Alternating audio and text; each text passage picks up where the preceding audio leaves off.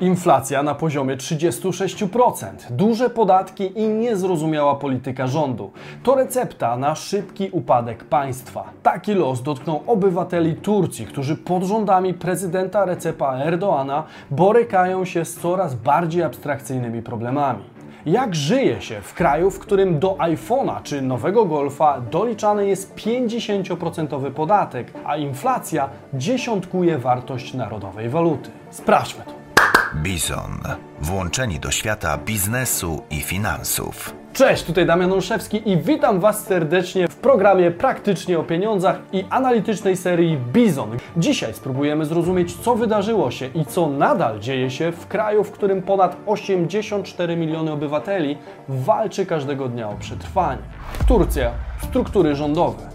Ustrój polityczny Turcji opiera się na Konstytucji Republiki Turcji, która przynajmniej w teorii posiada najwyższą moc prawną w systemie źródeł prawa w tym państwie. Konstytucja ta głosi, że państwo Azji Zachodniej jest niepodzielną, laicką, demokratyczną oraz socjalną republiką. Kraj ten jest podzielony na 81 prowincji, a każda prowincja dzieli się na podprowincje. Głową państwa jest prezydent, wybierany przez obywateli na pięcioletnią kadencję. Od 2014 roku prezydentem kraju jest Recep Tayyip Erdoğan. Wcześniej zajmował on przez wiele lat posadę premiera. W 2017 roku z jego inicjatywy odbyło się ogólnopaństwowe referendum w sprawie zmiany ustroju państwa z parlamentarnego na prezydencki, co w praktyce oznaczało oddanie całej władzy prezydentowi. I tak oto rok później, gdy zwyciężył już w pierwszej turze wyborów prezydenckich, został również szefem rządu. Gospodarka Turcji.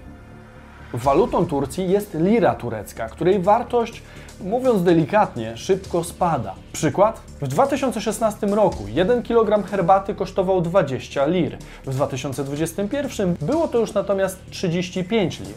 Jeszcze ciekawiej wygląda to na przykładzie 5 litrów oleju słonecznikowego. W 2016 musielibyśmy zapłacić 27 lir, dzisiaj byłoby to już 85 lir. Problemem jest m.in. szybko rosnąca inflacja, która w grudniu 2021 roku wyniosła aż 36%. Jest ona zdecydowanie powyżej celu inflacyjnego, który dla Banku Centralnego Turcji wynosi 5%. Zresztą sposób walki z jej wielkością jest dość niestandardowy. Polega on bowiem na trzech kwestiach. Instrumentami polityki monetarnej tureckiego banku centralnego są krótkoterminowa stopa procentowa, korytarz stóp procentowych, zarządzanie płynnością, wymagania dotyczące rezerw i mechanizm wyboru waluty rezerwowej. Zmiennymi są oczywiście kredyt i kurs walutowy, a ostatecznym celem niska inflacja połączona ze stabilnością finansową. Teoretycznie może brzmieć to rozsądnie. Teoria jednak w tym przypadku nie przykłada się zbyt dobrze na praktykę. W rzeczywistości pieczę nad całym mechanizmem sprawuje Erdoğan z wykształcenia ekonomista. Głosi on teorie będące w opozycji do jednego z filarów ekonomii. Twierdzi, że to właśnie wysokie stopy procentowe napędzały inflację. Zresztą bardzo chętnie to potwierdza na konferencjach prasowych, gdzie mówi, że im niższa stopa procentowa, tym niższa będzie inflacja. Geniusz czy szaleniec? Według Erdoana podwyżka stóp procentowych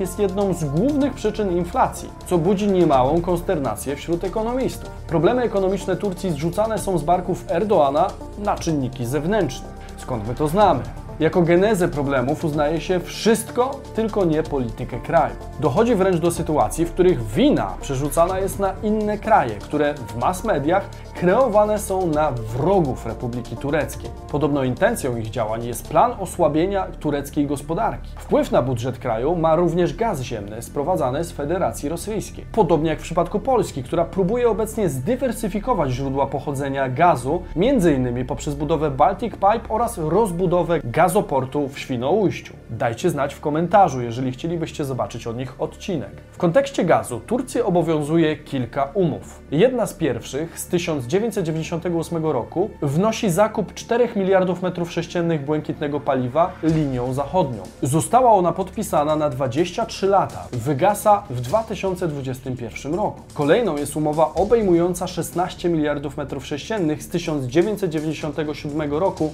nad błękitnym strumieniem.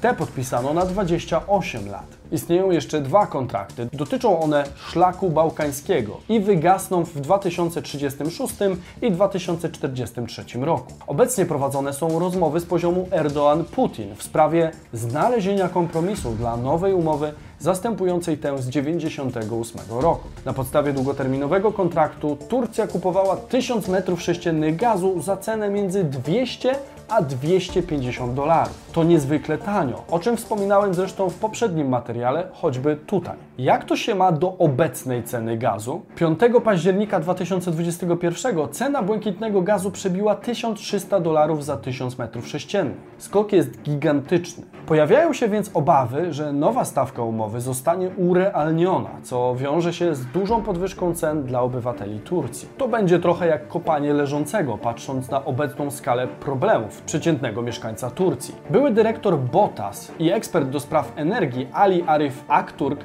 przewidywał, że koszt zakupu gazu w Turcji wzrośnie średnio o 30 do 35% z powodu tych wydarzeń. Mehmet Doğan, dyrektor generalny Gas Day Energy Consulting Company, również uważa, że turecki rachunek za zakup gazu może wzrosnąć o około 10 miliardów dolarów w ciągu najbliższych 6 miesięcy. Ankara ogłosiła natomiast, że w najbliższym czasie cena prądu drastycznie wzrośnie od 50 do nawet 130%.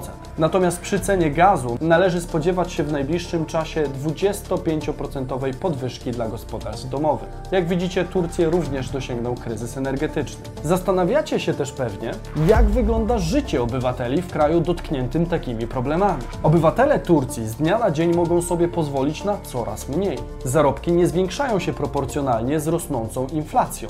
Większość młodych ludzi bierze pożyczki studenckie czy też kredyty na przykład na elektronikę zakupioną na raty czy na opłatę służby wojskowej. W Turcji dla mężczyzn 6-miesięczna służba wojskowa jest obowiązkowa, ale jest możliwość zapłaty za skrócenie tego czasu. Opłata to około 30 tysięcy lir.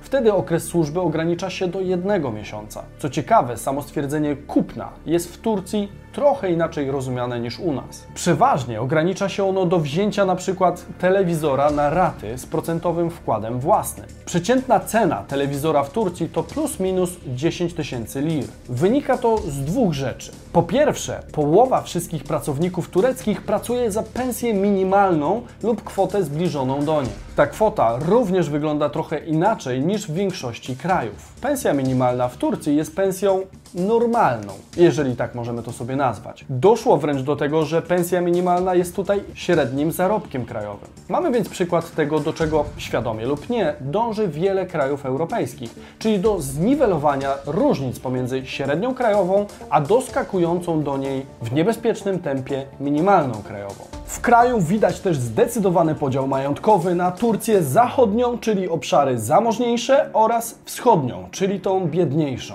W Turcji miliony ludzi nie zarabiają nawet stawki minimalnej. Obywatele muszą również zmierzyć się z problemem olbrzymiej wysokości podatków. Sprawdźmy to choćby na przykładzie nowego iPhone'a. Wersja 13 Pro Max 128 GB kosztuje obecnie w Turcji niemal 23 tysiące lir. Cena netto z kolei wynosi zaledwie 11 707 lir. Pytanie zatem, co znajduje się w cenie brutto? Oczywiście masa różnego rodzaju podatków. W cenie brutto smartfona znajdziemy następujące podatki: 6497 lir to jest 50% ceny specjalnego podatku konsumpcyjnego. 3507 lir to 18% podatek VAT. 117 lir to 1% ceny dla Ministerstwa Kultury. Bardzo podobnie wyglądałaby analiza każdego innego zakupionego sprzętu. Mówimy tutaj o samochodach, elektronice, czy choćby mieszkaniu, czy alkoholu. Te sytuacje dość komicznie, choć przez łzy, oceniają sami Turcy. Mówią oni, jeśli kupujesz auto w Turcji, to tak jakbyś kupował jedno dla siebie, a drugim odjeżdża Erdoğan. Dzwoni on również z Twojego telefonu i pije Twoją raki, czyli tak zwaną turecką wódkę o aromacie anyżowym. Mocne rozmijanie się płacy minimalnej z podwyżkami cen można pokazać też w następujący sposób. W 2017 roku pensja minimalna wynosiła odpowiednio 1459 zł netto w Polsce oraz 2029 lir w Turcji. W tamtym czasie Polak musiałby pracować około 3 miesiące na iPhone'a 8 256 GB w cenie 4229 zł. W Turcji natomiast przy płacy minimalnej 2029 lir i cenie iPhone'a 4949 lir statystyczny mieszkaniec pracowałby na niego około 2,5 miesiąca. Do tej pory było dobrze. Obecnie jednak sytuacja diametralnie się zmieniła. Wracając do modelu 13 Pro Max, jego cena w Polsce to 5699 zł. Pensja minimalna to przeszło 2363 zł netto. Daje nam to około 2,5 miesiąca pracy Polaka. W Turcji płaca minimalna wynosi 3612 lir netto, ale cena iPhone'a to już 23 tysiące lir, co daje nam około 6,5 miesiąca pracy. Niektóre korporacje ograniczają sprzedaż z racji nieprzewidywalności rynku. Co ciekawe, pod koniec listopada świat obiegła informacja, że Apple wstrzymało sprzedaż swoich urządzeń w Turcji. Miało być to spowodowane kontrowersyjną polityką monetarną prowadzoną przez prezydenta Erdoana. W końcu mówimy o spadku wartości pieniądza o 45% w ciągu roku. Strona Apple działała, ale nie można było kupić żadnego telefonu. Firma oficjalnie nie poinformowała o wstrzymaniu sprzedaży, jednakże rosnące problemy ekonomiczne kraju i niestabilność gospodarcza zdecydowanie mogły mieć na to wpływ. Umówmy się, iPhone nie jest jedną z najważniejszych potrzeb człowieka. Chodzi jednak o zobrazowanie poziomu ingerencji tureckiego rządu w rynek i tego, czym takie zapędy zwykle się kończą. Nowe opłaty są argumentowane walką z inflacją, a wręcz kwestią jej powstrzymania. Dosyć oryginalne podejście, prawda? Czyli zabierzemy Wam więcej, żeby to, co Wam zostawimy, wolniej traciło na wartości. To ma sens. Upadek tureckiej liry. Zmiana wartości jednej liry na dwie, przeliczając na siłę względem jednego dolara, zajęła zaledwie 9 lat. Z 2 lir do 3 3 lata, z 8 do 9 2 miesiące, a z 11 do 12 zaledwie 4 dni. Dziś jedna lira to 13,63 dolara. Czy silnie upolityczniony system finansowy ma szansę na stabilność w oczach świata? Jak widać, raczej nie.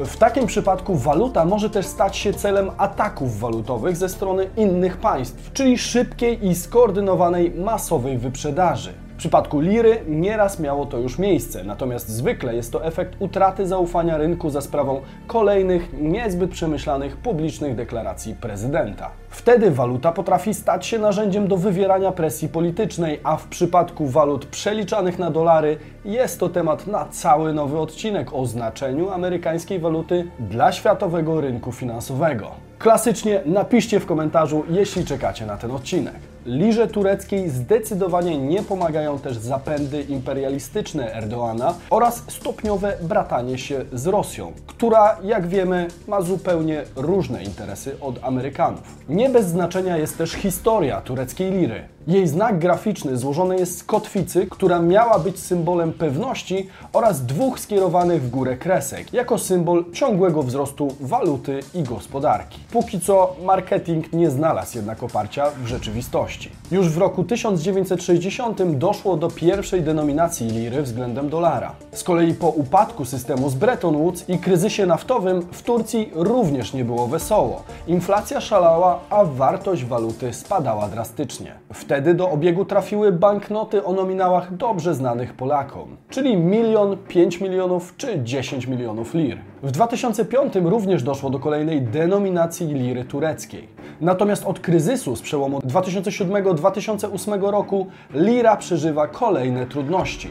Od tamtego czasu po dzień dzisiejszy jej wartość w stosunku do dolara spadła już ponad dziesięciokrotnie. Zapowiada się więc na kolejną dewaluację, jeżeli Erdoğan nie zmieni kierunku polityki. Historia lubi się powtarzać. Pytanie zatem, jakie ceny spotkamy w tureckich sklepach? Weźmy test sieci A101, czyli jednego z najtańszych dostępnych marketów. Kilogram ziemniaków to 3,95 lir, kilogram pomidorów kosztuje 8,9 lir, a 200 gram sera kasar, czyli najtańszego sera żółtego, to niemal 25 lir. Dobrze byłoby mieć czym posmarować chleb, a więc 200-gramowa kostka masła będzie nas kosztować kolejne około 25 lir. Obecnie złotówka to mniej więcej 3,5 liry tureckiej. Przeliczając to na polskie stawki, możemy pomyśleć, że perspektywa zapłaty za obiad w restauracji 10 zł jest wspaniała. I owszem, tyle że dla turysty. Bo zupełnie inaczej sprawa ma się w przypadku osób, które pracują i zarabiają w lirach. Co gdybyśmy chcieli zaprosić drugą połówkę do restauracji? Średnia cena dań w restauracji to 30 do 40 lir. Teraz zajmijmy się miejscem do zamieszkania, bo każdy musi mieć jakiś dach nad głową. Cena może szokować, bowiem koszt pokoju w centrum Stambułu to 1500 do 3000 lir. Podkreślam, płaca minimalna, którą zarabia większość w tym kraju, to 3612 lir. A więc jak widzicie nie jest zbyt kolorowo. Nieodpowiednie zarządzanie doprowadziło kraj do ruiny. Podobnie jak to miało w przypadku Wenezueli, o której materiał możecie obejrzeć tutaj. Pytanie więc, co o rządach Erdoana myślą Turcy? Czy można publicznie krytykować prezydenta? Aby móc przybliżyć obecne nastroje tureckich obywateli, należy cofnąć się nieco do tureckiego wzoru politycznego. Mustafa Kemal Atatürk. To turecki polityk wojskowy, mąż stanu, współtwórca i pierwszy prezydent Republiki Turcji w latach 1923 do 1938. Po klęsce w I wojnie światowej sprzeciwił się rozbiorom Turcji i stanął na czele wojny o niepodległość. To właśnie dzięki niemu Imperium Osmańskie zmieniło się w nowoczesne świeckie państwo narodowe. Wprowadził zmianę alfabetu z arabskiego na łaciński, zrewolucjonizował prawo i edukację w kraju, wprowadził nazwiska w Turcji, a sobie samemu dał Ataturk, co oznacza ojciec Turków. Jego podobiznę w Turcji znajdziemy na każdym rogu, w kawiarni, na ulicy czy w losowym domu. Widząc jak ważny w kraju jest Mustafa Ataturk, możemy domyślać się jakie znaczenie mają wywieszone w kraju podobizny Erdoana. Dość powiedzieć, że w niektórych regionach kraju Recep jest porównywany do bohatera narodowego. Stawia się go wręcz na równi Ataturkowi. Jednak nie wszyscy go tak traktują. Społeczeństwo jest mocno spolaryzowane. W Turcji doszło już do rządów autorytarnych, gdzie wódz narodu nie musi przejmować się przeciwnikami. Protestom brakuje skuteczności. W 2013 roku setki tysięcy ludzi wyszło na ulicę w ramach sprzeciwu autorytarnych rządów prezydenta Erdoana. Do dzisiaj Recep wykorzystuje te dni do pokazania własnej jako jedynej opcji rządów. Potwierdzają to wybory z 2018 roku. Można się domyślić, że ich wyniki były tak naprawdę znane przed rozpoczęciem głosowania, a cały proces był daleki od rzetelnych i uczciwych wyborów. Całe zamieszanie i szum, jaki wytworzył się wokół wyborów, pomógł Erdoğanowi wygrać z pozorem słuszności demokratycznej. Najbardziej niezadowoloną grupą są młodzi ludzie. To grupa, która jest świadoma tego, jak żyje się w innych krajach. Wiedzą też, jak trudne jest polepszenie standardu życia w ich państwie oraz jak ostatnimi czasy zdewaluowana została ich miesięczna wypłata względem zagranicznych walut, co czyni wyjazd za granicę prawie niemożliwym albo znacznie go utrudnia. Takie samo zdanie panuje wśród przedsiębiorców czy obiektów z branży turystycznej. Jednym z czynników, który powoduje wysokie niezadowolenie, jest bardzo wysoki podatek na wszystkie white goods, o którym wspomniałem wcześniej. Objęte są nim sprzęty AGD RTV oraz samochody. Przykładowo za cenę tureckiego Volkswagena Golfa z 2010 roku kupilibyśmy w Polsce Golfa z 2017 roku. I chociaż wspominaliśmy o młodych osobach, to przeciwnicy Erdoana są w różnym wieku. Starsi boją się przyszłości, osoby w średnim wieku wyraźnie sprzeciwiają się natomiast nepotyzmowi i autorytaryzmowi. Nie chcą obsadzania ich stanowisk osobami, które mają znajomości. Młodzi ludzie są natomiast w sytuacji, gdzie po ukończeniu trudnej drogi edukacji w Turcji nie są w stanie znaleźć pracy. Oficjalna stopa bezrobocia w kraju waha się pomiędzy 11 a 13%. Tyle, że ciężko jest mówić o realnych danych, jeżeli rząd w Turcji potrafi zabraniać zwolnień, a instytucje odpowiadające za statystykę również do neutralnych politycznie nie należą. Ukryte bezrobocie w takiej sytuacji może być na znacznie wyższym poziomie. Uzyskanie wizy na wyjazd z kraju w celu zarobkowym jest bardzo drogie, a ich pensja, jeśli udało się jednak znaleźć pracę, jest warta z dnia na dzień coraz mniej przez irracjonalne decyzje Erdoana. Na dzisiejszy dzień wypłata rzędu 6000 lir to mokry sen osób świeżo po studiach. Kwota ta przeliczając to około 384 euro. W całej tej sytuacji mamy również drugą stronę medalu, czyli zwolenników prezydenta. Wierzą oni w powrót dobrych czasów AKP, czyli Partii Sprawiedliwości i Rozwoju, założonej w 2001 roku przez Erdoana. Sprawowała ona rządy w Turcji od 2002 roku. Akceptują więc wszystkie wytłumaczenia obecnej sytuacji. Według nich powodem dewaluacji liry względem dolara jest amerykańska próba zachwiania tureckiej gospodarki oraz to, że państwo wydaje dużo pieniędzy na walkę z terroryzmem. Od zwolenników Erdoana można również usłyszeć głosy, że Niemcy zazdroszczą Turcji wielu rzeczy i ogólnie bycia potęgą gospodarczą. Czyż to nie brzmi jak nowy pasek wiadomości w TVP? Pierwszy, trwający około 10 lat etap rządów AKP przyniósł Turcji bezprecedensową reformę w duchu standardów Unii Europejskiej, skokową modernizację oraz wzrost dobrobytu. Jakkolwiek to nie zabrzmi, Erdoğan unikał polaryzującej islamistycznej retoryki dążącej do stworzenia na arenie międzynarodowej bloku islamskiego. Tworząc AKP, twierdził, że partia nie będzie islamistyczna, a jej członkowie to muzułmańscy demokraci ale jest również druga dekada, zaczynająca się mniej więcej od pamiętnych protestów z 2013 roku. Przyniosła ona regres w dziedzinie praworządności i standardów demokratycznych. Podjęto również konsekwentne działania zmierzające do redefinicji tożsamości państwa w kierunku neoimperialnym oraz konserwatywno-islamskim. Pomimo wielu niestosownych rzeczy, jakie turecki rząd, a raczej Erdoğan poczynia, ciężko jest wprost krytykować polityków. Wolność słowa w Turcji. Oficjalnie kwestia mediów w Turcji została uregulowana według konstytucji. Każdy ma prawo do wyrażania i rozpowszechniania swoich myśli i opinii w mowie, na piśmie lub na zdjęciach lub za pośrednictwem innych mediów, indywidualnie lub zbiorowo. Wolność ta obejmuje wolność otrzymywania lub przekazywania informacji lub idei bez ingerencji władz. Postanowienie to nie wyklucza poddania transmisji przez radio, telewizję, kino lub podobne środki. Jednak jak to często bywa, teoria i praktyka znowu mocno się rozmijają. Według corocznego raportu przedstawiającego zmiany w zakresie tzw. Tak indeksu wolności mediów, przygotowywanego przez organizację Dziennikarze Bez Granic, Turcja jest na 153 miejscu na 180 możliwych. Dla porównania, Polska znajduje się na 64 miejscu, Rosja na 150, a Białoruś na 158 miejscu. Media społecznościowe w Turcji.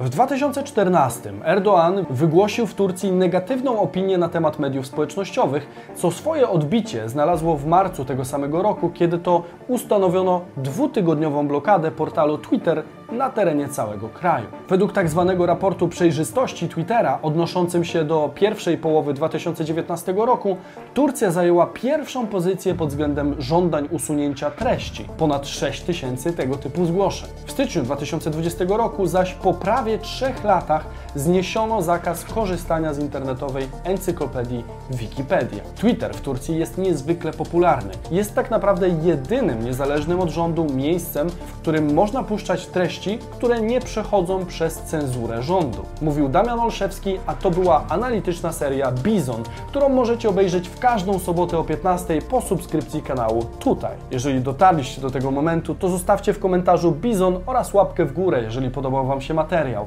A najważniejsze informacje ze świata biznesu i finansów otrzymacie już jutro o 15. Cześć!